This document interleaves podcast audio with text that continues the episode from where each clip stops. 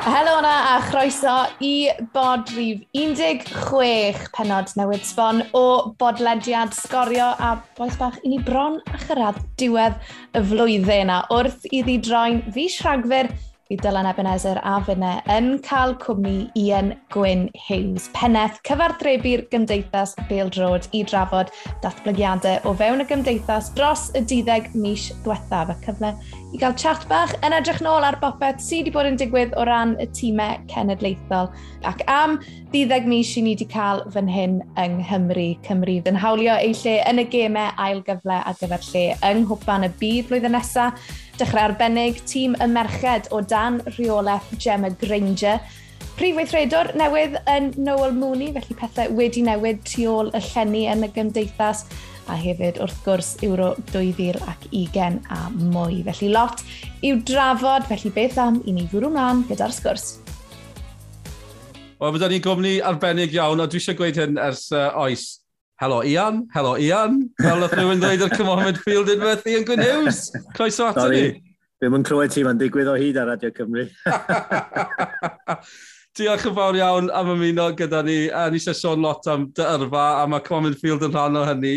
Ond um, mae rhaid i ddechrau ar y diwedd mewn ffordd. Wthnos diwetha, i yn yr enwell yn yr het neu'r fowlen ar gyfer gem ail gyfle, cwpan y byd. Um, sut deimlad oedd i? Gwylio hwnna gyd yn digwydd?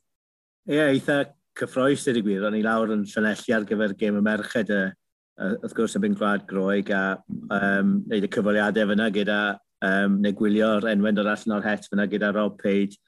A dwi'n credu tysa uh, rhywun wedi dweud ar y dechrau fysa uh, dwy gêm gartre ag Austria a wedyn posibilrwydd o'r Alban yn erbyn yr Ukraine, ddim yn cymryd yn, ddim, ddim byd yn ganu y tal, wrth gwrs, ond uh, fydde rhywun wedi, wedi derbyn hynny um, uh, tua pedwar y gloch. Felly, ie, yeah, lot o gyffro. Um, a yn barod, dwi'n credu fan edrych ymlaen yn fawr at y, at y gêm yn erbyn, um, yn erbyn awsia yn y stadiwm yng Nghaerdydd. So, da ni na, ganol gêm Gwlad Belg na gan i Sioned, a ddod o'r gylch, ni wedi cael gyfnod yn sweithi gwych na. Mae'n anodd meddwl sut le fydd na mewn cwpl o fusoedd.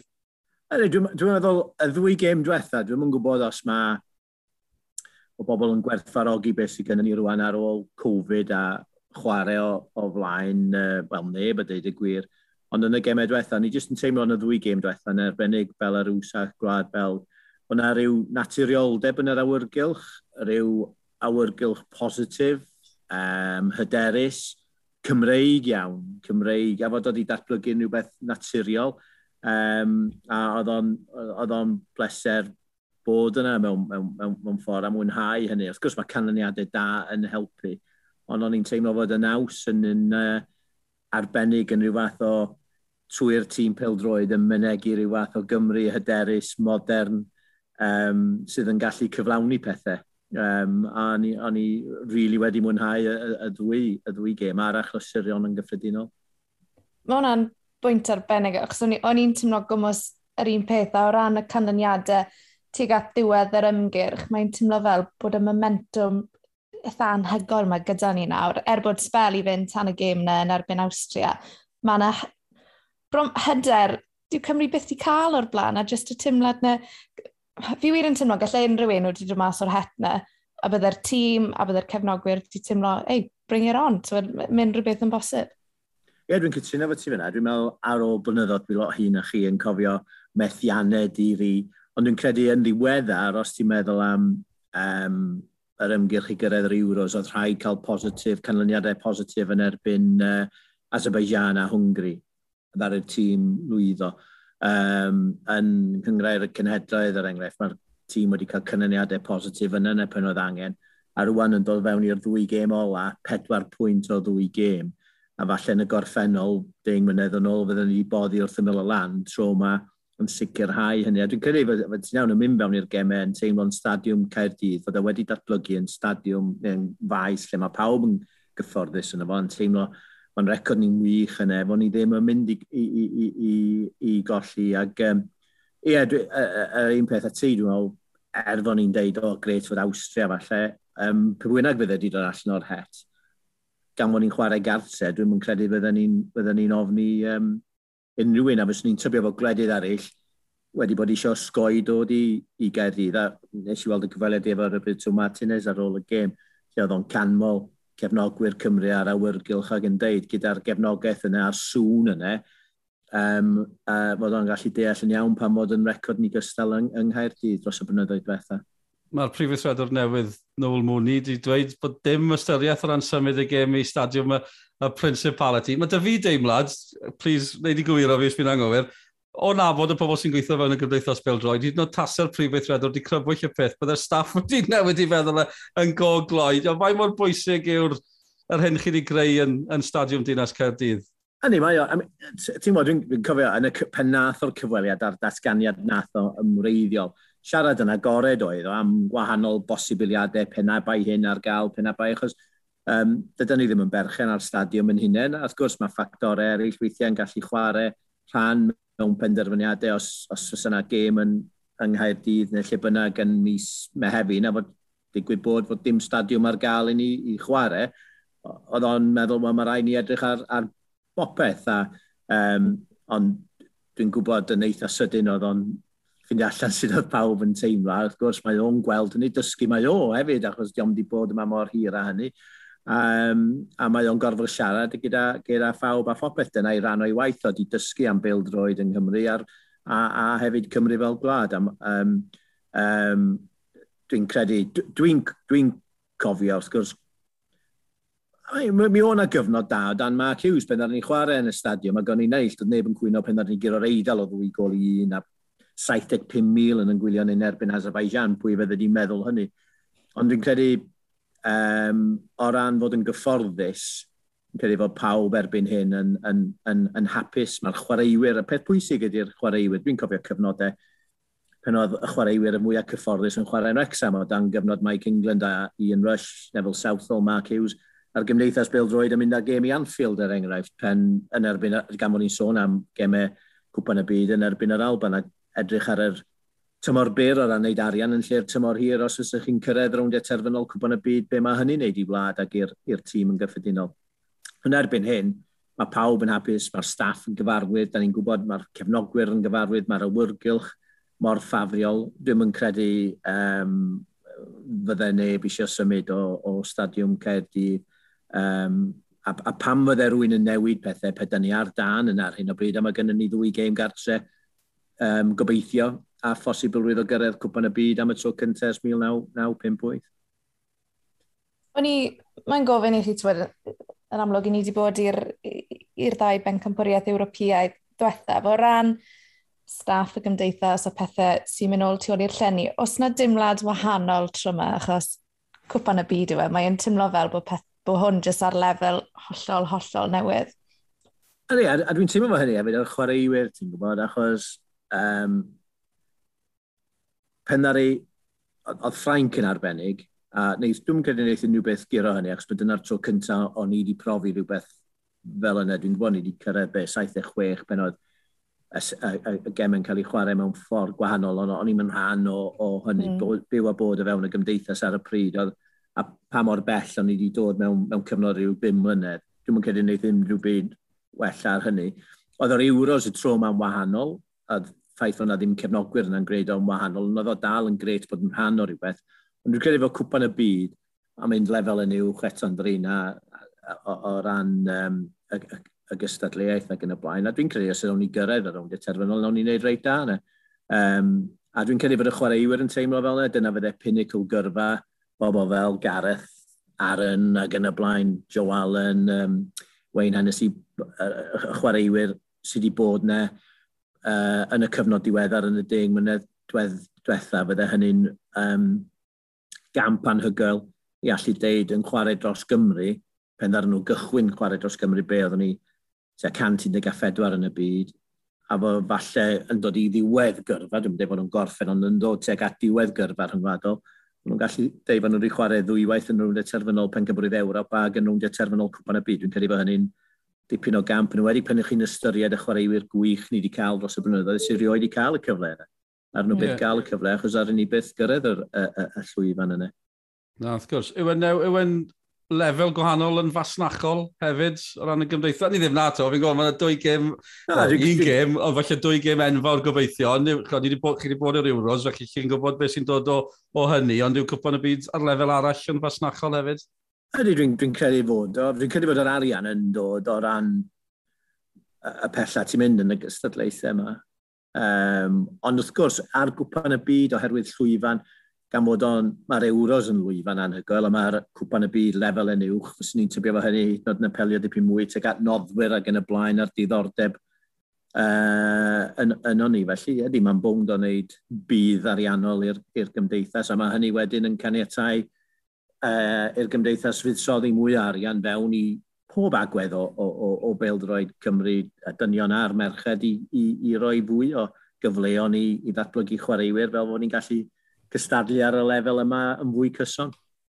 A chyrraedd rwndiau terfynol cystadlaethau yn fwy cyson. Ie, yeah, mae hwnna'n beth braf. Yn amlwg, o ran y flwyddyn, um, mae wedi bod yn flwyddyn rhyfedd, rhyfeddol, hefyd, pan chi'n ystyried oedd yr ymgyrch i gwpan y byd, wed, cyn yr Euros, wedyn yr Euros, faint o e-miles chi wedi casglu i yn blwyddyn yma? Wel, o ran, dwi'n mynd i casglu nhw'n hunain yn hun, yn deon, o ran yr hed... Be, be sy'n, dwi'n gwerthfarogi ac mae wedi bod yn dweud naw mis anodd i bawb a phopeth, a mewn ffordd, ni'n trafod hyn, dwi'n oedd y blaen, da ni wedi bod yn mynd fewn i'n bubbles ac yn y blaen, ond yn gallu teithio o gwmpas y byd, i, i, i chwarae a dilyn y tîm pel droed. Prynedd hynny mewn gemau rhag brofol, gemau cyngred y cenhedroedd neu yn yr Euros. A ddo'n surreal weithiau cyrraedd fewn i wledydd lle dyna'r unig awyren oedd yn glanio yn y maes awyr, o ti'n mynd trwy dinasoedd bryn o'n neb o gwmpas, o ti'n aros mewn gwestai blyn o'n neb arall, ac eto ti'n mynd i gêm, ac o ti dal yn mynd trwy'r rigmarol, ti'n gwybod, y gerddoriaeth, a let's give a warm welcome to, a ti'n edrych o gwmpas os neb yn enda, ti'n gwybod, ti'n pam o'n i'n mynd trwy un i gyd, ond ti'n gorfod neud o. Um, ond na, oedd y teithio, oedd y teithio yn yr, yn yr euros yn nipyn o deithio. Um, wrth edrych yn ôl, fysa, fysa ni wedi bod wrth yn bodd yn gallu aros yn Bacw, achos oedd y ganolfan yn Bacw erbyn y diwedd yn lle gret i fod o ran a y chwaraewyr wedi addasu yna, oedd y maes ymarfer yn gret, oedd y gwesti'n gret, y trenu oedd fo'n i'n gofod gadael, sydd wedi bod yn well yn, mewn un ffordd, sy'n ni'n gallu chwarae pob gêm yn Bacw, os yn diarfer erbyn y diwedd.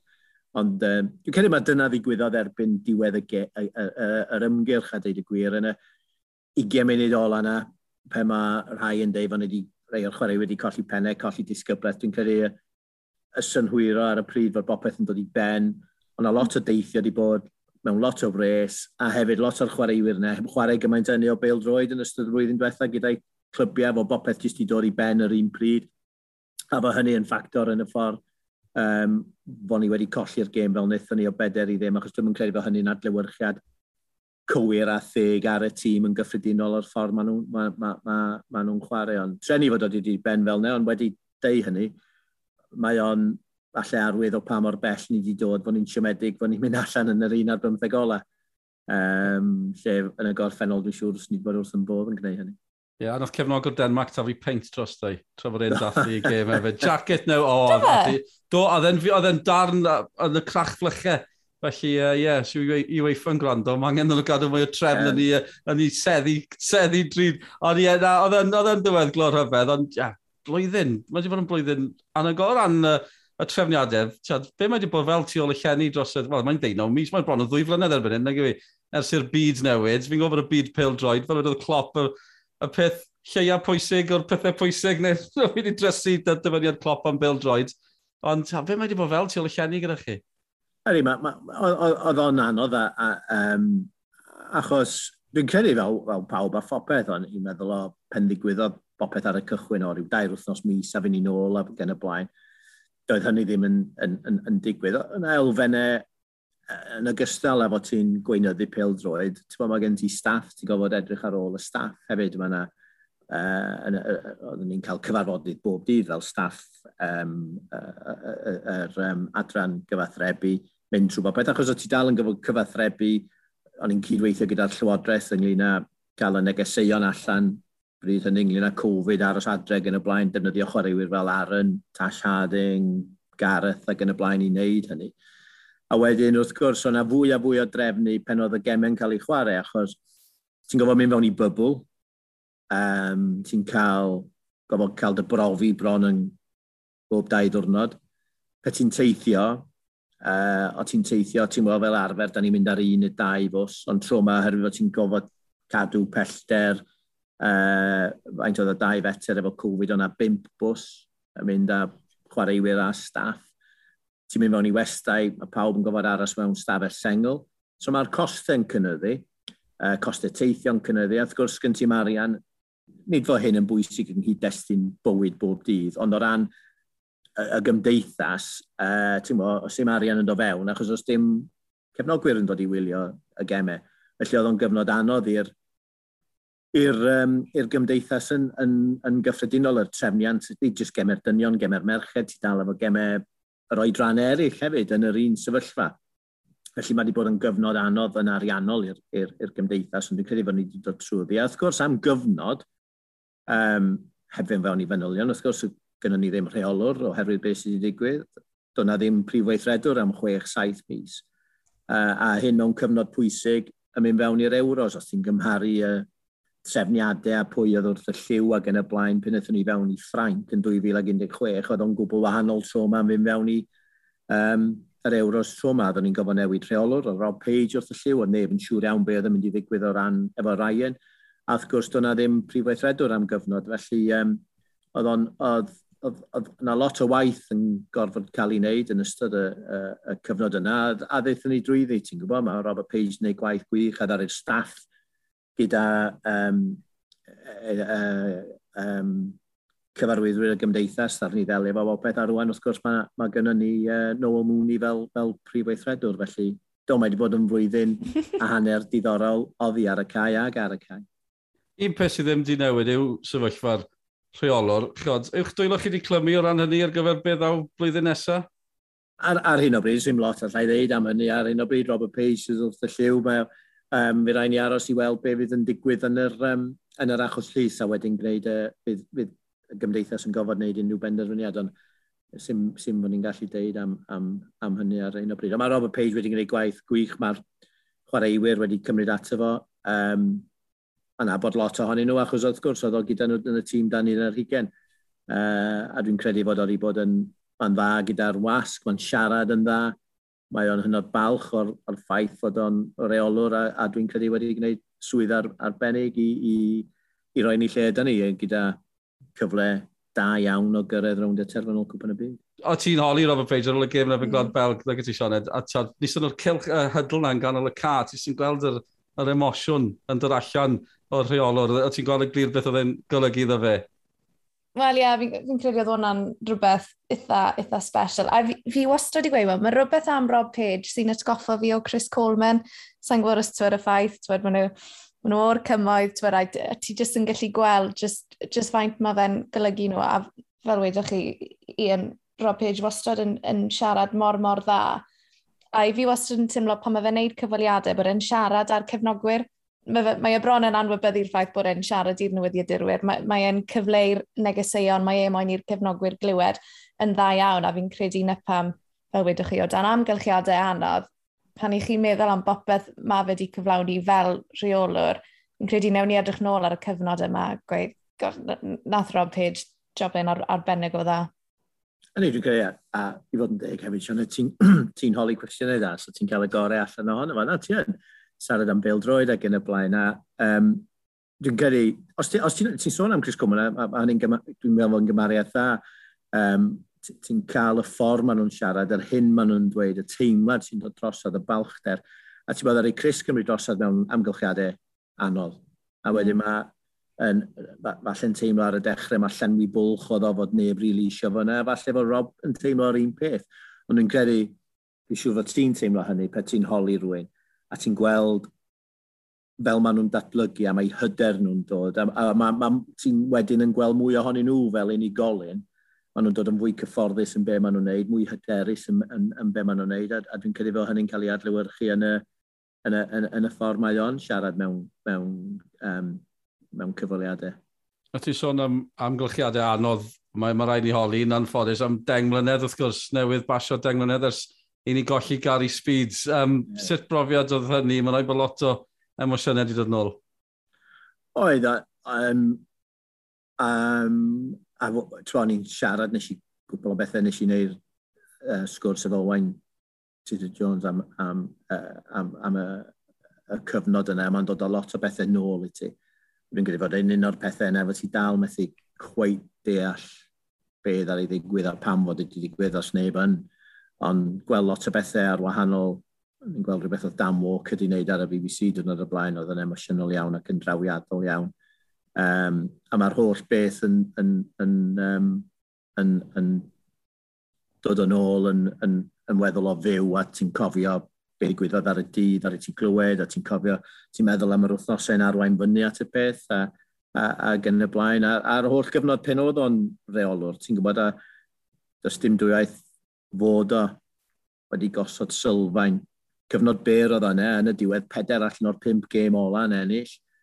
Da ni'n gwybod beth fysa wedi digwydd yn sgil ar, ar ôl hynny yn y, y rwnd cwpan y byd rhag brofol wedyn, ond os dim dwyeth fod o wedi gosod y seiliau a sylfaen gadarn um, i, i, a, a, a newid y ffordd oedd pethau'n cael ei gwneud gyda'r chwaraewyr yna gan y blaen.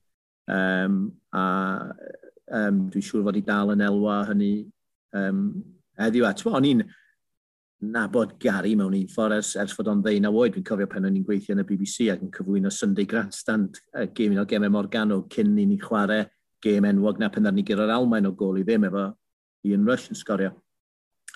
Terry Orath yn dod i'r studio, dod a, cyddi ma, Dean Saunders oedd efo fo. a dyna'r ddau o'n i'n holi, ond ar y ddod a Gary Speed fewn, jyst i'r studio yn y BBC yn Llandaf, jyst i stenne i weld y profiad o sut oedd bobl yn cael ei holi, achos oedd o'n dweud ti'n mynd i fod yn gwneud lot ohon yn y dyfodol, achos ti fe rheolwr Cymru. Um, a ddar oedd o fewn i'r stiwdio, oedd o'n eistedd ochr chwyth i mi, a ddar ni holi fo hefyd, ti'n gwybod, felly dyna, felly o'n i wedi dod ar ei draws ys pen oedd o tua 1945 a wedi cadw rhyw fath o gysylltiad reit trwad a wedyn oedd o'n fraint ac anrhydedd gallu gweithio am gyfnod byr fel, um, fel, fel rheolwr. Be nath fy nharo i, o'n i, oedd Ashley Williams ar y podcast cwbl o nosau nôl, a nath ei weid rhywbeth lyflu, nath ei weid yn edrych nôl, mae e'n hapus achos mae e'n timlo fel bod y tîm wedi cyflawni'r nod oedd, oedd dy Gary Speed pan ddath e mewn ar ffaith. Mae'r ffaith bod ni'n eistedd yma yn gweud, o, ni o bosib 200 bant o, o gwpan y byd, fi'n siŵr bod Gary Speed rolen gwenu yn meddwl, ei, so, bydde, fi'n siŵr bydde'r just yr holl waith nath ei wneud reit reit ar y dechrau, mae fe'n bendant wedi talu ar ei ganfed. Ydy, ydy. Dwi'n cofio pen y uh, gêm ola ar ni'n chwarae, oedd i cartre o dan Gary yn Bulgaria gol i ddim. A wedyn o'n i'n aros i wneud y cyfaliadau, aros i gael Gary i wneud cyfaliad ar rhywun oedd yn, o UEFA oedd yn ar y pryd yn dweud, o, be chi'n edrych ymlaen i adeg yma flwyddyn nesaf, achos y ffordd da chi'n chwarae, da chi'n efo cyfle gwych o gyrraedd y terfynol yn, yn Brazil, efo cwpan y byd ac yn y blaen, a ti'n meddwl, o oh, ie, yeah, gret. Um, a, a, a dwi'n, o'n i wedi gweld be oedd Ashley wedi deud, achos ar ymsôn rhywbeth am, ar oedd ei rhywbeth llwyddiant, os ti'n galw fo'n llwyddiant, ar ni'n ennill i'n byd, ond oedd o'i ni yn llwyddiant, yn dweud, cyrraedd uh, uh, rhwng gynderfyn yr euros a be, be ddigwyddodd o blaen. A ie, dwi'n siŵr ar ei ar yn ddeud yr un peth, um, yn sôn y bydde, yn siŵr bydde Gary rwan yn, yn, yn, yn prawd iawn o be mae'r criw yna o fechgyn, achos nath Aaron yn gapten yn dod i gemlwydd oed, a um, swa, cef Aaron wedi cael dipyn o sioc ar y pryd, achos oedd o'n gyfrifoldeb mawr i rwy'n mor ifanc, ond oedd o'n amlwg y Gary yn teimlo fod o'n gallu delio fo fo. Ar ei Chris newid pethau roi'r capteniaeth i Ashley yn do. Um, uh, uh, wedyn, ond um, yeah, dwi'n credu fod y bechgyn yna, uh, Joe Allen ac yn y blaen, um, o'n nhw gyd yn meddwl hynny ti'n gwybod fydde, fydde Gary yn falch ohonyn nhw, be maen nhw wedi gyflawni dros y deng mynd diwetha. Ie, yeah, dim am heiath yma. Mae'n mae rhyfedd na gwybod e, pan mae'r... Dim pen blwydd yw e, pan mae'r degawd ma'n un anniversaries ma'r gair Saesneg yn cyrraedd. Mm. Sy'n, sy, mae, mae, achos bod fi'n cofio y digwyddiad, pam nes ti adael y BBC i gael y swydd Cymdeithas Bildrod Cymru, mae dim spel mwy na deng mlynedd ers hynny, Ian. Mae'r ma, ma deng mlynedd neu 11 erbyn hyn wedi wedi hedfan, neu yn teimlo fel oes. Sut mae'n teimlo edrych nôl ar dros degawd, fi'n gwybod, yn y cyfnod gyda'r Gymdeithas Bêl-droed? Be, be ti'n efo, gyd lawr i fi, Emsi. A dw, fi wedi gweithio pawb, fi wedi gweithio lot fawr o bobl, Yeah. Na, ti'n gwybod, mae o... Mae'n cyd-fynd yn daclus iawn, mae'n gweud. Mae, fydde neb wedi rhagweld hyn. Mae'n rhaid fi dde. O'n i, gweithio i'r... O'n i bob tro yn... Um, yn gwybod am potensial peldroi Cymru, fel ti'n gwybod, o ran pe bai pethau'n cael ei gwneud yn iawn.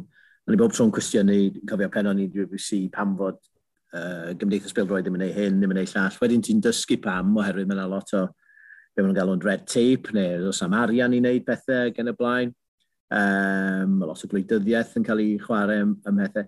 Ond dwi'n cofio, ti'n pen o'n i yn y BBC, o'n i'n mynd rownd Ewrop a mynd i gynadleddau'r wasg, a er o'n i'n mynd cyrraedd rownd y terfynol cystadlaethau, ni bob tro'n edrych a sylwi ar y ffordd oedd, oedd um, pawb yn wneud pethau a meddwl, ti'n sut fydde pethau'n gallu bod yn wahanol yng Nghymru. A gan fod fi'n siarad efo ti rwan, un o'r rei dwi'n cofio, dwi'n gofio os ti'n cofio. Cymru yn yr Almain yng nghyfnod Tosha, gaethon ni gynadredd yr wasg mewn canolfan Mercedes-Benz. Oh, do, yeah. a os mae Oliver Bierhoff neu rhywun oedd ar y llwyfan yn cael ei holi, a um, dwi'n cofio, uh, achos ti'n gwybod pe mae'r wasg yn teithio gyda Chymru, nid jyst y wasg o Gymru sy'n dod, mae yna wasg o bapurau'n Lloegr ac yn y blaen, a mae'r agenda weithiau'n wahanol, achos maen nhw'n defnyddio'r llwyfan i ofyn cwestiynau chwaraewyr am unrhyw beth ond Cymru. A dwi'n cofio rhywun yn gofyn cwestiwn, a, a ti, a ti'n ifanc iawn ar y pryd, ac yn, yn, yn codi'r pwynt, pam bod ni'n gofod siarad am yr uwch gyngrair neu beth bynnag yma yng Nghynardedd Cymru, Cos chi'n mynd neu hynny mewn cynhadledd Lloegr, a fi'n cofio, waw, FC, o ti'n ddewr yn ei hynny. Ond ti'n gwybod, dyna'r math o beth, da ni ddim isio pe, pe da ni'n gwneud pethau efo, efo, efo, efo um, cynadleddau'r er, er, er, er wasg. Ond iawn, o'n i rioed i meddwl, o'n i'n meddwl am y peth, ond pen o'n i yn y BBC, dwi'n cofio gêm ola nes i BBC Cymru, oedd gêm Cerdydd, Blackpool yn Wembley, a ar ôl hynny, um, nath Jonathan Ford lawr i siarad yn uh, BBC achos o'n nhw'n gwahodd bobl o wahanol um, uh, swyddi siarad am eu profiadau nhw oedd o newydd gychwyn a wedyn fi'n cofio cael yng ngofyn fynd lawr i wneud cyfweliad efo Jonathan a Jonathan yn dechrau siarad am beildroi Cymru'n gyffredinol. A wedyn wneud oedd o, gan dwi'n meddwl, sgynnon ni ddim adran y wasg, sgynnon ni ddim adran marchnata, fydda gen ti ddiddordeb. Um, a dweud, o, fydda gen i ddiddordeb, ond fyswn ni'n mynd i, i, i, i gael sgwrs a cyfweliad efo fam y peth. A wedyn um, ges i'r swydd a'r gêm ola nes i oedd yn um, Craven Cottage yn yr uwch gyngrair Fulham yn erbyn Wolves.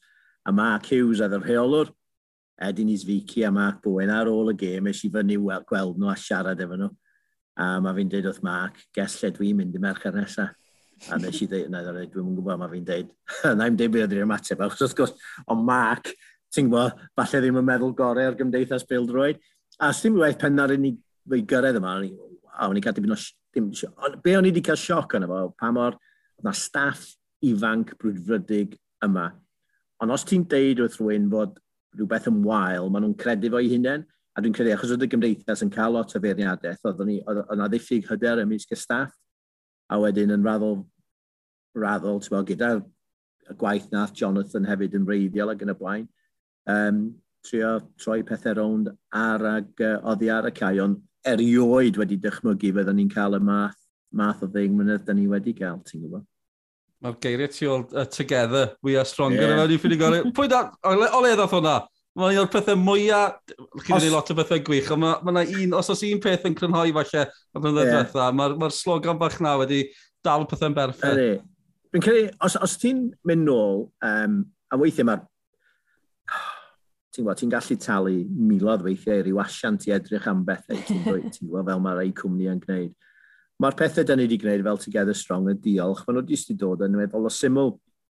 Pen ar ni lansio um, yn strategaeth cyntaf gyda Jonathan yn rhyw 2012, o'n i fod yn lansio fo yn 2011, ond oherwydd beth ddigwyddodd efo, pwy bynnag efo, efo Gary, cos oedd o'n rhan o'r peth, a'r ni'n lansio fo tan mis Ionawr uh, gyda Chris Coleman wrth y lliw. Ond o'n i wedi gwneud rhyw um, eiriau dros y ffilm oedd gynnon ni. A yn y, yn y diwedd, y geiriau oedd Together We Are Stronger. A dwi'n credu fod ni wedi talu lot o sylw i'r peth ar y pryd. A ni bob tro'n edrych am rhywbeth fydde gallu yn uniaethu gyda'r tîm rhyngwladol. Ar un oedd Time to Believe, a dwi wedi deud o blaen Time to Believe, colli'n Serbia 6 i 1, oedd o'n Time to Forget, yn doedd, ti'n gwybod. So yna griw ond yn eistedd lawr ac yn edrych ar rhywbeth, a wrth gwrs yr arwyddar oedd gorau chwarae, cyd chwarae. A ti eisiau rhywbeth oedd hefyd yn gallu chwarae ar hynny yn, yn, yn Saesneg. A yna gyfarfod, a bobl fel Pete Barnes, Rob Dowling, dal yn y gymdeithas yn trafod peth. A oedden ni'n trio dweud, wel, gorau chwarae, be di hynny cyd chwarae? Wel, gyda'n gilydd yn gryfach, best players, team play. Pechi efo'ch gilydd, um, chi'n gryfach. A ddari rhywun just dweud, o, oh, together stronger. Oh, wow, ie, yeah, achos together, os chi efo'ch gilydd ac yn gryfach, pryn eich chi'n colli neu'n ennill, fel tîm, chi'n gryfach gyda'ch gilydd. A dyna sut dath. Mewn ffordd, oeddwn ni'n edrych hefyd am rhywbeth i uniaethu'r cefnogwyr i ddod â pawb at ei gilydd, lle yn y gorffennol o ti'n cael yr anghydweld rhwng cefnogwyr Cedydd, Abertawe, Rexham, Casnew, beth bynnag, a trio dod â pawb at ei gilydd fel un teulu i gefnogi'r tîm cenedlaethol. Mm. A ddaru ni fynd ar, ar ôl y peth mewn cyfnod pen oedd lot o feirniadaeth o Chris Coleman, achos oedd Chris yn cael ei feirniadu hyn o pen ar ni ennill dwi'n yn, yn, yn, Andorra, fyna lot eisiau newid rheolwr ag yn y blaen. So oedden ni benderfynu, reit, mae rhyw fath o, beth o'r siege mentality yma, a cyflwyno'r slogan yma hefyd. A um, yeah, dyna, dyna fel, a wedyn ddari'r peth just, just datblygu, a be o'n isio, oedd y berthynas naturiol rhwng y tîm a'r, ar cefnogwyr yn, yn, yn credu bod ni wedi sicr, bod ni wedi, wedi gwneud hynny erbyn hyn. Fi wastad i ffindo fe mor special yr iaith Gymraeg a fel mae'r gymdeithas wedi plethu'r Gymraeg mewn i'r marchnata. Pethau bach fel newid y cyfrif Twitter i Cymru a taw Cymru yeah. ni'n clywed trwy'r amser nawr, nid Wales. Pa mor bwysig mae hwnna di bod, achos ti'n fyd nod yn abod cefnogwyr sydd ddim yn siarad Cymraeg, a maen nhw nawr yn gweud Cymru yn hytrach yeah. na Wales. A mae pethau fel yn, yn gallu gwneud gwahaniaeth anferthol. Ydy, a, a ti'n gwybod, ar ei, yn ogystal ar iaith, da ni wedi trio o ran hanes, o ran mm. traddodiadau gen y blaen, i, i, i, i, just i gyflwyno pethau, lot o'n efo, efo'r tîm yn gyffredinol i wneud nhw'n yn ymwybodol achos ti'n gwybod fel ti'n gwybod lot o'r chwaraewyr ddim wedi cael ei magu yng Nghymru. Ond just a hefyd rhai o'r staff um, y, y, y hyfforddi gyda'r tîm. Ti'n just wneud nhw'n ymwybodol o, o bwy ydyn ni a pwy ydyn ni'n i gynrychioli. Na pan maethon ni lang yma, a beth hedd wind yna pan maethon ni anw i Aberfan ac yn y blaen.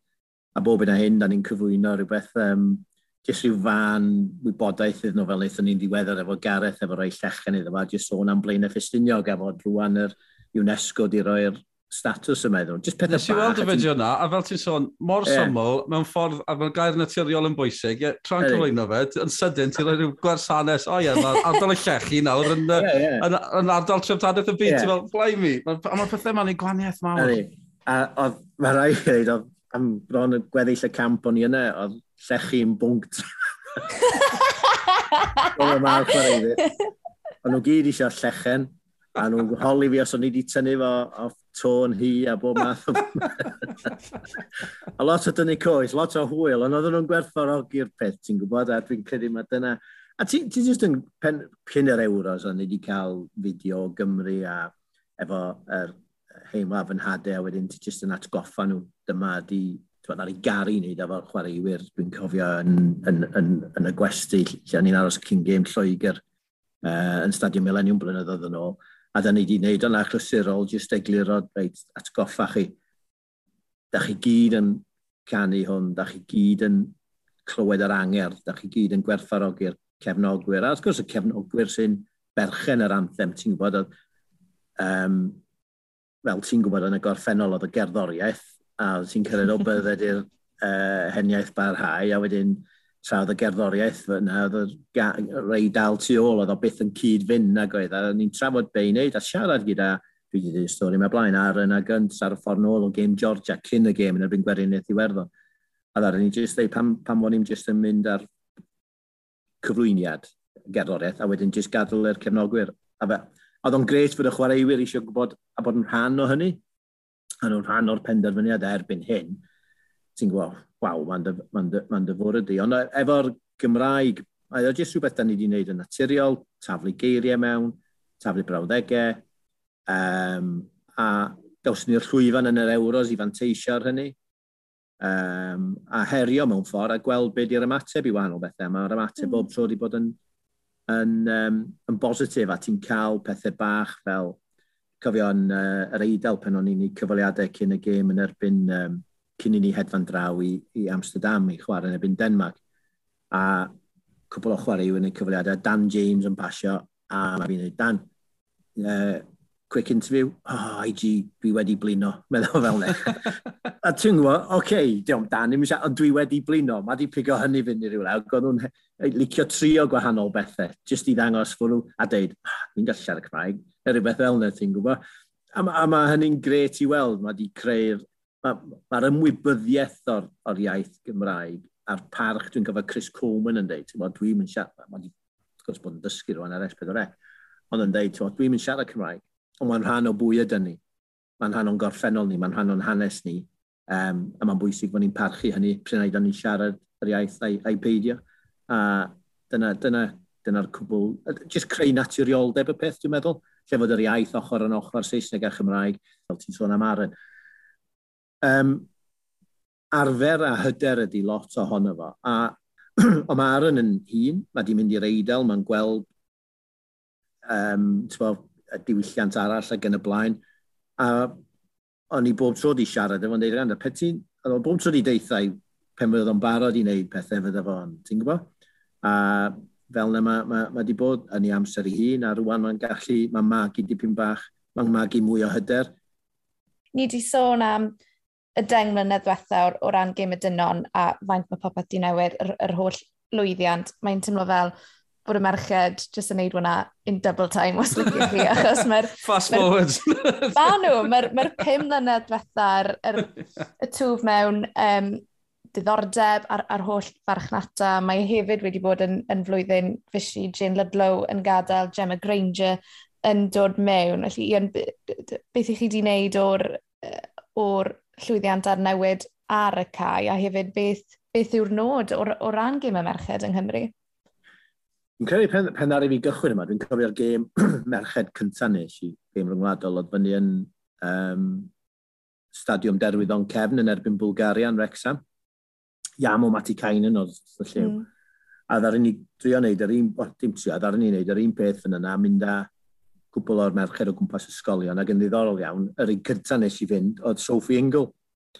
Um, so mae'n i deng mlynedd nôl, a ei ysgol um, I.D. Hewson yn, yn Wrexham.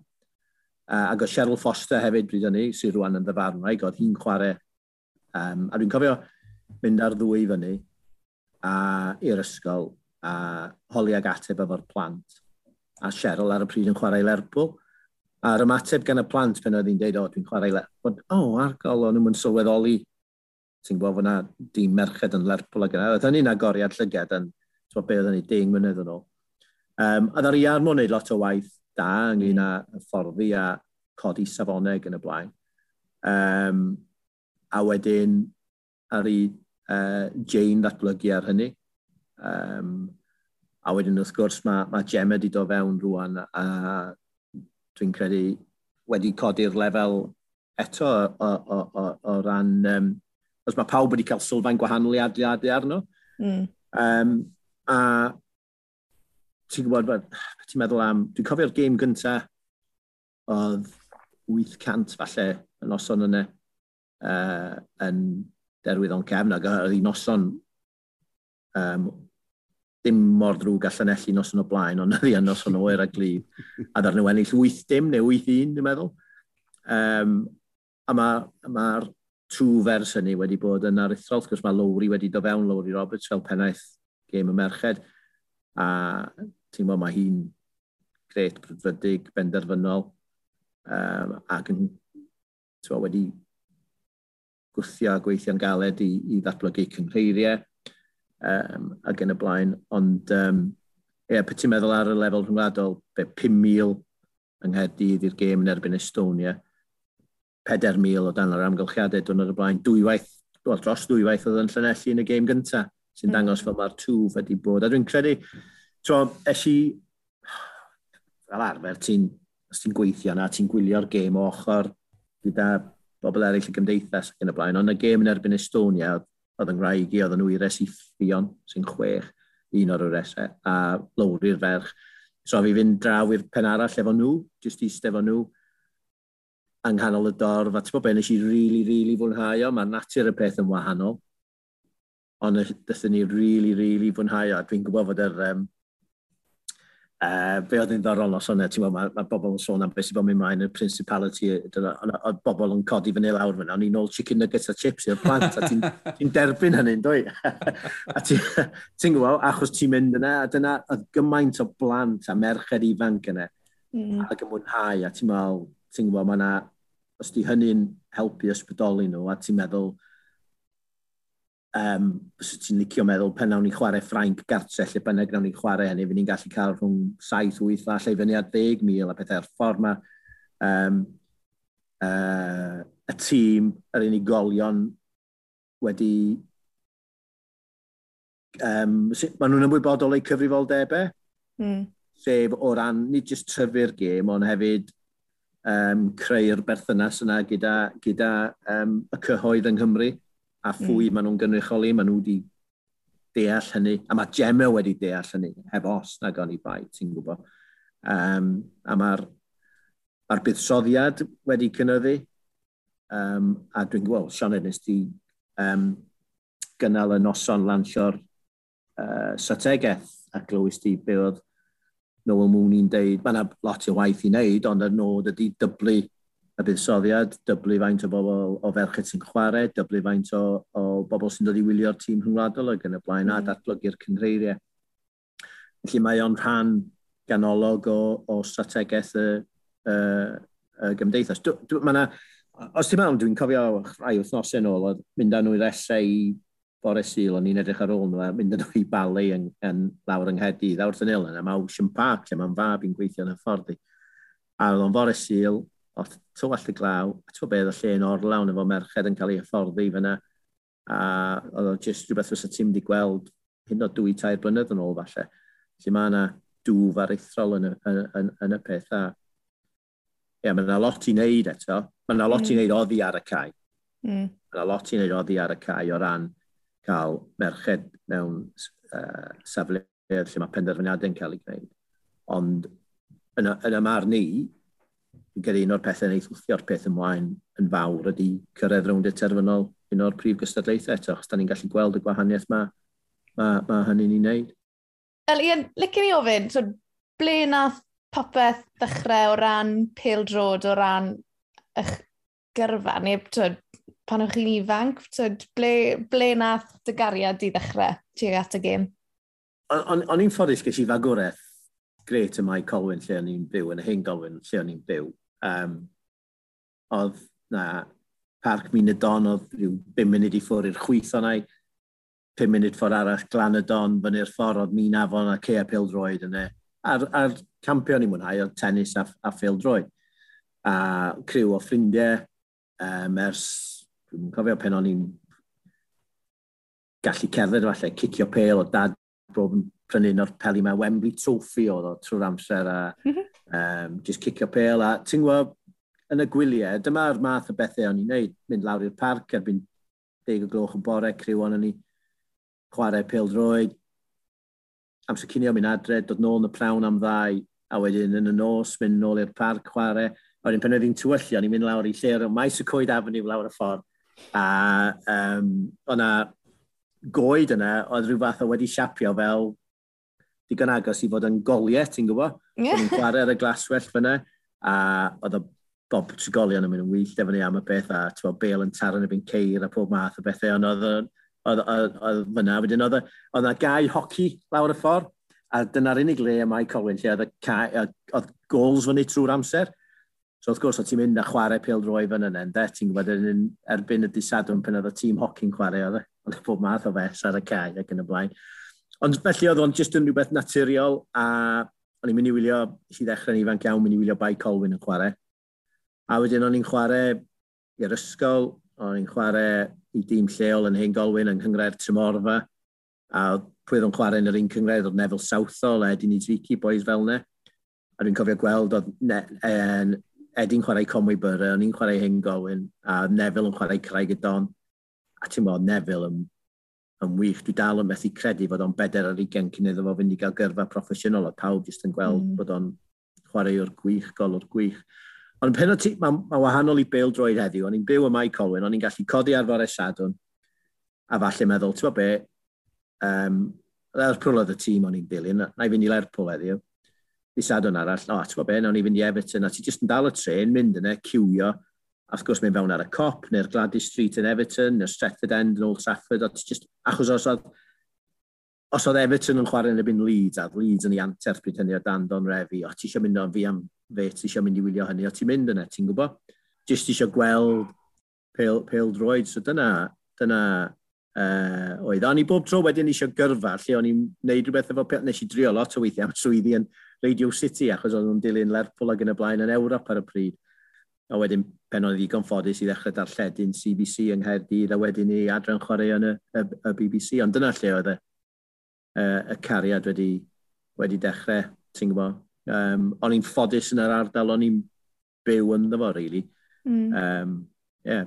Cyn i ni fforwelio, eisiau holi chydig bach am uh, y bywyd yn sylwebu, achos Mr Pildroed Cymru, falle nawr, llais Pildroed Cymru mewn oes arall, a oedd Sioned yn gweithio, ti wedi cael dy enwi ymysg beth yr ugen gore erioed efo Sioned yn 442? O'n i'n darllen 442 cwplodd nosau yn ôl, a peth nesaf fi'n gweld yw, yw know, Ian Gwyn Hughes. Uh, fel, Os rwy'n arall yn y swyddfa di spotio hynny, Ian? No, mae rei di spotio hynny. Uh, um, tro, uh, os dwi'n cael... Os na, os na, fi mor anodd, achos fi ysdi wneud e am flynyddoedd, a, a, a, a peth yw, Pildroed Cymru yn yr oes na, yn cael ei ddiffinio gyda siom am hynny, mae'r beth sydd wedi digwydd yn bydd yn dweitha, ni'n cael yn diffinio am, am bethau gwahanol. Gobeithio, ni wedi gynnu weld os ni wedi cael gwared o'r bwganod. Os ni'n chwarae'r Alban, ni'n gyrraedd cwpan y byd, felly bydd modd cael gwared o pob bwgan sydd erioed wedi bod.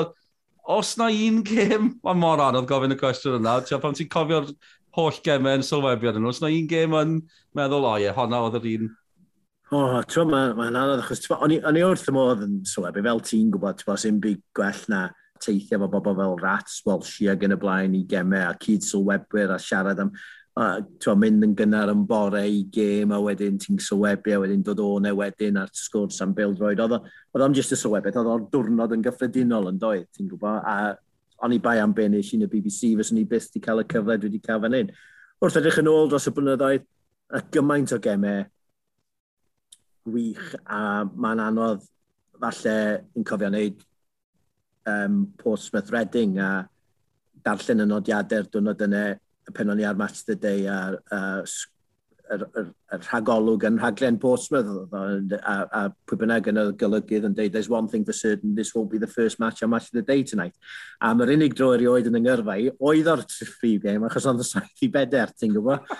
A be oedd yn od wedyn, oedd yr enwau, a ti'n sôn am yr hester yna o ran baid o 5 ar 20 o'n un a'r enwau mawr efo Kenneth Wollstone, Brian Moore a Martin Tyler, ond ti'n sôn am yn y cyfnod yna'n match the day.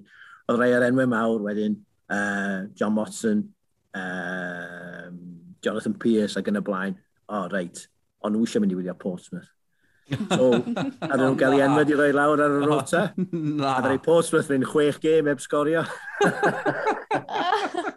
O'n i'n meddwl, oce, okay, de, os chi eisiau, ti'n achos yn sydyn, o, mae rai mae Portsmouth oedd y tîm i'w gwylio sgorio saith, a wedyn am, fynd am chwech gêm, oedd anna ar ei redyn a pep sgorio. Ond oedd hynny na, naturiol yn sefyll allan. O ran gemau rhyngwladol sy'n byd i fi yn curo y gêm nes i sywebyn erbyn yr eidl yn osan yna. Um, Beth hwnna aros am byth yn y co achos oedd yr... Nid jyst y gêm, oedd cyn y gêm John Charles yn cael ei gyflwyno i'r dorf um, y Mannix yn canu a ac ati meddwl o bydd after the Lord Mayor Show rwan. A wedyn Simon Davis yn sgorio ar ôl bed 11 munud. A, yeah, mae pawb yn anghofio am y gol, dim anghofio, mae gymaint o sylw i gol Bellamy ar Bellissimo yeah. i ennill y gêm. Mae'r gol gyntaf na lawr y dde, pan mae Delaney a Davis yn cyfuno yn y cyfnod na lawr, y fi'n mynd ôl nawr, mae'r ma croen gwdd yn mynd, mae'n gol anhygol, oedd rhywbeth am y tîm na. Oedd ma, oedd ma yna rhywbeth am y tîm. Pe mae bobl yn sôn am y tîmau, ti'n fod y criw ath i Euro 2016 y gore. Dwi'n edrych yn ôl ar y tîm ddari ddim cyrraedd yn 93-94. Southall, Rush, Hughes, Ratcliffe. Um, boys ifanc oedd yn dod trwy oedd Bellamy, Giggs a Speed a Hartson ac yn y blaen. A ti'n edrych ar y tîm yma, mewn sut ar nhw ddim cyrraedd. A wedyn ti'n edrych ar y tîm yna dan Mark Hughes, Paul Jones, Delaney, Gabidon, um, Speed eto, Savage yn yng Nghalgau, uh, um, bod, Pembridge, Simon Davis, John Harton, Craig Bellamy, Giggs. Waw, oedd hwnna'n dipyn o yn siwr ar ei orau ar y pryd ac yn y blaen. Ond oedd y gêm honno, y gol yna, fel ti'n gofio'r cyfuniad, fel ti'n deud, uh, Delaney, Bellamy, uh, Simon Davis ac yn sgori. Ac wrth gwrs, Walshi wrth yn ochr i, a Walshi o ddewydd i'r Simon Davis, ynddo? a Walshi'n trio cadw, o, ti'n gwybod. A, a ti'n methu sôn, ti'n gofod bod yn broffesiynol, ti'n mo, ti'n methu gweud, oh, ti'n mo, well, his uncle's next to me, math, oh, well, ti'n... Dim ond yng Nghymru. Dim ond yng Nghymru, ti'n iawn, Sean Ed. Dim ond yng Nghymru, ie. A wedyn ennill y gêm yna. Os oes rhywun wedyn yn gofyn am gêm glob, ti'n gwybod, dwi bob tro meddwl am gêm na'r i'r exam ennill i gyro Boston o tair un i aros yn y cyngrair y diwrnod yna. A pwy fysa mel 12 mis wedyn o'n nhw wedi mynd lawr, ond dwi'n cofio dyna beth bawn ni 15,000 ar y cair as, emosiwn y peth, aros yn y cyngrair. A fi, o Dave Hughes yn, wedi dod fyny efo fi Rexham dyna, a Dave a fi'n dod nôl i Gaerdydd ar yn y 30. A ni fyny ti yn tua dau y bore yn siarad. Ac erbyn diwedd yn os, o Dave a fi wedi cymfinsio yn gilydd byddai Rexham yn y bencampwriaeth mewn tair blynedd. a deuddeg mis wedyn, o'n nhw lawr yn doi. Dyna, a wrth gwrs, mae dwi'n gweld Dave rhan am Benaeth Academy fan hyn yn yng Nghaerdydd. Down i goi, goes, so got that one wrong, Dave. o, oh, gwych. Bywyd yn dilyn y bil, a lot mwy i ddod. Be fydde cwpan y byd yn golygu? Fydde yna ffordd wneud dim bod, da, dim bod ni'n trio gorffen pethau. Na, na, mae'n iawn ebri, dyna. Fi'n meddwl rhywun peth, o ran, o ran gyrfa, dwi'n eisiau ymddeol. Ni'n credu bod lot o chreuwyr, sylwebwyr, gohebwyr, dim pobl ifanc fel Sioned, jyst yn meddwl, o, oh, un bach arall, rhwch un bach arall, arall yeah. i fi. os os ti'n edrych yn y fawr, ti'n sôn ar ni ddechrau sôn ma'n un efo Gary ac yn y blaen a do, do fewn, a wedyn, ti'n gwybod, ar y gêm gyntaf neisio, a digwydd bod y gêm gyntaf neisio, Brian Flynn oedd ar hewl yn y Bulgaria, ers mi adael y BBC, a pen o'n i fo'n sylwebu am i gymryd ar gemau Cymru. A dwi'n cofio uh, hanner amser y gêm, oedd hi'n uh, ddi-sgôr, dwi'n meddwl, A Kerry Stennett oedd yn gweithio ar ochr y wasg bryd hynny. A wedyn, tua deg munud fewn i'r ail hanner, neu rai, come on now, IG, we're going to the dressing room. A mynd, pam da ni'n mynd yna rhan? O'n i'n gosod y cadeiriau ar gyfer gynadledd y wasg. So o'n i'n gosod y cadeiriau ar y Bulgaria, sgorio. Dwi'n cofio eistedd yna, mel, tro be, dwi wedi sylwebu ar y tîm yma mi gymryd ar yng Ngwlad. A rwan dwi'n gosod cadeiriau allan, gynnar... o'n i'n mynd meddwl, mae dyma oedd y job, ti'n gwybod, dwi eisiau gweld gêm. A wedyn, pe ti'n meddwl lle ddar i ni gychwyn, byddai cyrraedd rownd i'r termal cwpan y byd, a bod ar daith gyda rai o'r chwaraewyr enwocad a ni wedi cael erioed. Um, fydde hynny yn, yn cynnig crynhoi a bopeth a dod â bopeth fel rhyw fath o gylch ti'n gwybod a, a, a wedyn fysa ti'n meddwl reit sim lot mwy allan ni gyflawn i fan hyn um, mae wedi bod yn daith ffantastig um, felly amser i rwy'n arall uh, rwan ond wrth gwrs mae rhaid ni gyr aws gyntaf Os glei a be bynnag ddigwyddiad hyd yn oed os bydd Cymru'n codi cwpan y byd, bydd pobl dal yn gweud, Ian Good oedd e'r Cymru midfield. Fi'n cofio fe'r ah, Cymru midfield. Hey. ti'n pen o'n i'n mynd o gwmpas Cymru efo Chris Coleman o pethau, a ti'n meddwl Chris, beth o'n i Chris gyflawni ac yn ymlaen. Ni fewn i rywle yn Llanfer Fechan, i ginion Llanfer Fechan, a maen nhw'n cyflwyno a maen dweud, o, oh, uh, dyma, Chris Coleman yn cerdded fewn a fi yn ei ddilyn o. A o bobl jyst yn gweiddi, um, well, come on midfield. Uh, Mr Picton, Mr Picton. Chris and Trey, what's all this about IG? no. Well. I'll explain medda fi. So ni'n gofod eglur oedd o'n cymryd A ti'n gwybod o ran bopeth, dwi wedi, o ran beth dwi wedi cael cyfleon, ffantastig. Ffantastig o ran pildroed, o ran sylwebiau efo Cymru. Da lot o bobl. Da lot o bobl. O'n i'n Estonia yn ddiweddar. Penarn talyn. A dwrnod cyn y gym, jyst i mynd am grwydyr bach o gwmpas, ti'n gwybod? just er efo ni'n y bybl gofod aros fan o'r hans, so ti'n gobeithio lle byn ag ti'n mynd fod ti'n mynd taro fewn i neb. Mae cwbl o gefnogwyr yn dod, a nhw dal yn ifanc sy'n dynnu y geiniau. A mae... Un gwyd news! Mr Picton, Mr Picton. Da chi'n gwybod am hyn, ti'n gwybod? A'n drist iawn yn ddiweddar yn Deme Jones yn, yn marw ar cymeriad yna, ond mae come on midfield. Pen o'n i'n mynd adre at yn fam blynyddoedd yn ôl, ti'n bod, um, o'n i'n gorfod um, bob tro oedd hi efo'r fideos o come on midfield, ti'n gwybod, a ddi eisiau gwylio heine trawser dyna. A ah, ie, yeah. oedd o'n rhywbeth, uh, o'n glasur yn dri, a dwi'n falch iawn wedi gallu bod yn rhan fach o, o hynny. Ar, ar un arall, wrth gwrs, ydy siawns am, siawns am game, Mark wow, Hughes yeah. ar come on midfield. Meddyliau heddiw mewn cyfres ar S4C, neu new iaith, falle yng Nghymru, Saesneg neu Chymraeg, bod Gareth Bale a Aaron Ramsey'n chwarae'r rhan yn. Os ti'n meddwl on, ond Mark Hughes yn dweud, ti'n bod fyny yna e, o ran pel droediwr, a fod bod wedi gallu, fod nhw wedi gallu cael o, i, i nid jyst ar, ar chwarae pel droediwr, hefyd fynd i'r capel, mi'r olygfa ar y diwedd pe mae'n canu fyna. Mae o'n, mae'n dangos cryfder y rhaglen yn dweud, ti'n gwybod? Cryfder a phwer, come on midfield. Ie, yeah, maen nhw wedi dal rhywbeth sy'n cynnwys Pildroids Cymru hey, hefyd. Hey. Um, diolch am yr amser, nes ti sôn am uh, bod ti wedi cael cyfleoedd. Mae wedi rhoi cyfleoedd i lot o bobl hefyd, felly mae'n diolch ni gyd yn fawr am hynny. A mae'r Chris Pildroed na mae Beil yn gwisgo, diolch yn fe. Credu, allan ni gyd brynu ni ti. Ian, diolch am bopeth, a gobeithio fydd y daith yn parhau am spel. Diolch am dy amser. Yeah.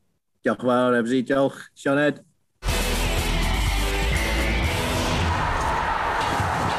un peth sy'n sicr yw mae hwnna di roi fi yn y mwyd i eisiau ar y soffa yn weddill y prynawn a watchan Come On Midfield Dylan. Oh, mae fe'n greu, nag yw e. Come On Midfield ac Ian Gwyn Hughes, wrth gwrs. Ie, yeah, ni sôn am uh, dim dau o gewri, congl feini Pildroed Cymru. Hyfryd cael ei amser, hyfryd cael y sgwrs, a beth sy'n ddefnydd yw bleini arni am y blwyddyn nesaf. Mae 2021 wedi bod yn fawr, mae 2022, mae'n just gymaint allai ddigwydd mis mawrth, gem ail gyfle, fel oedd e, fyddai'n braf cwblhau'r cilch, y cilch yn gyfan yn mynd i gwpan y byd, gewn ni weld beth awn, mynd i balad y fi nesaf, angofiwch am Qatar. Mae yna gêm ar sgorio pen othnos yma nos Wener yn y bala, na beth sy'n bwysig nesaf. Ond ie, yeah, gwych cael amser i yn gwneud. Dyl na i weld ti ar yr A4 7 dim prynhawn dydd Gwener i ein un fyw o faes tegyd a hefyd wrth gwrs cofiwch cadw llygyd ar yr holl gynnwys mae sgorio yn cyhoeddi yn ddyddiol yn wythnosol a cofiwch hefyd wrth gwrs, wrth gwrs i dan ysgrifio ble bynnag i chi'n cael eich podlediadau chi. Dylan a fi nôl wythnos nesaf, ond tan hynny, ta ta. Helo Ian, helo Ian.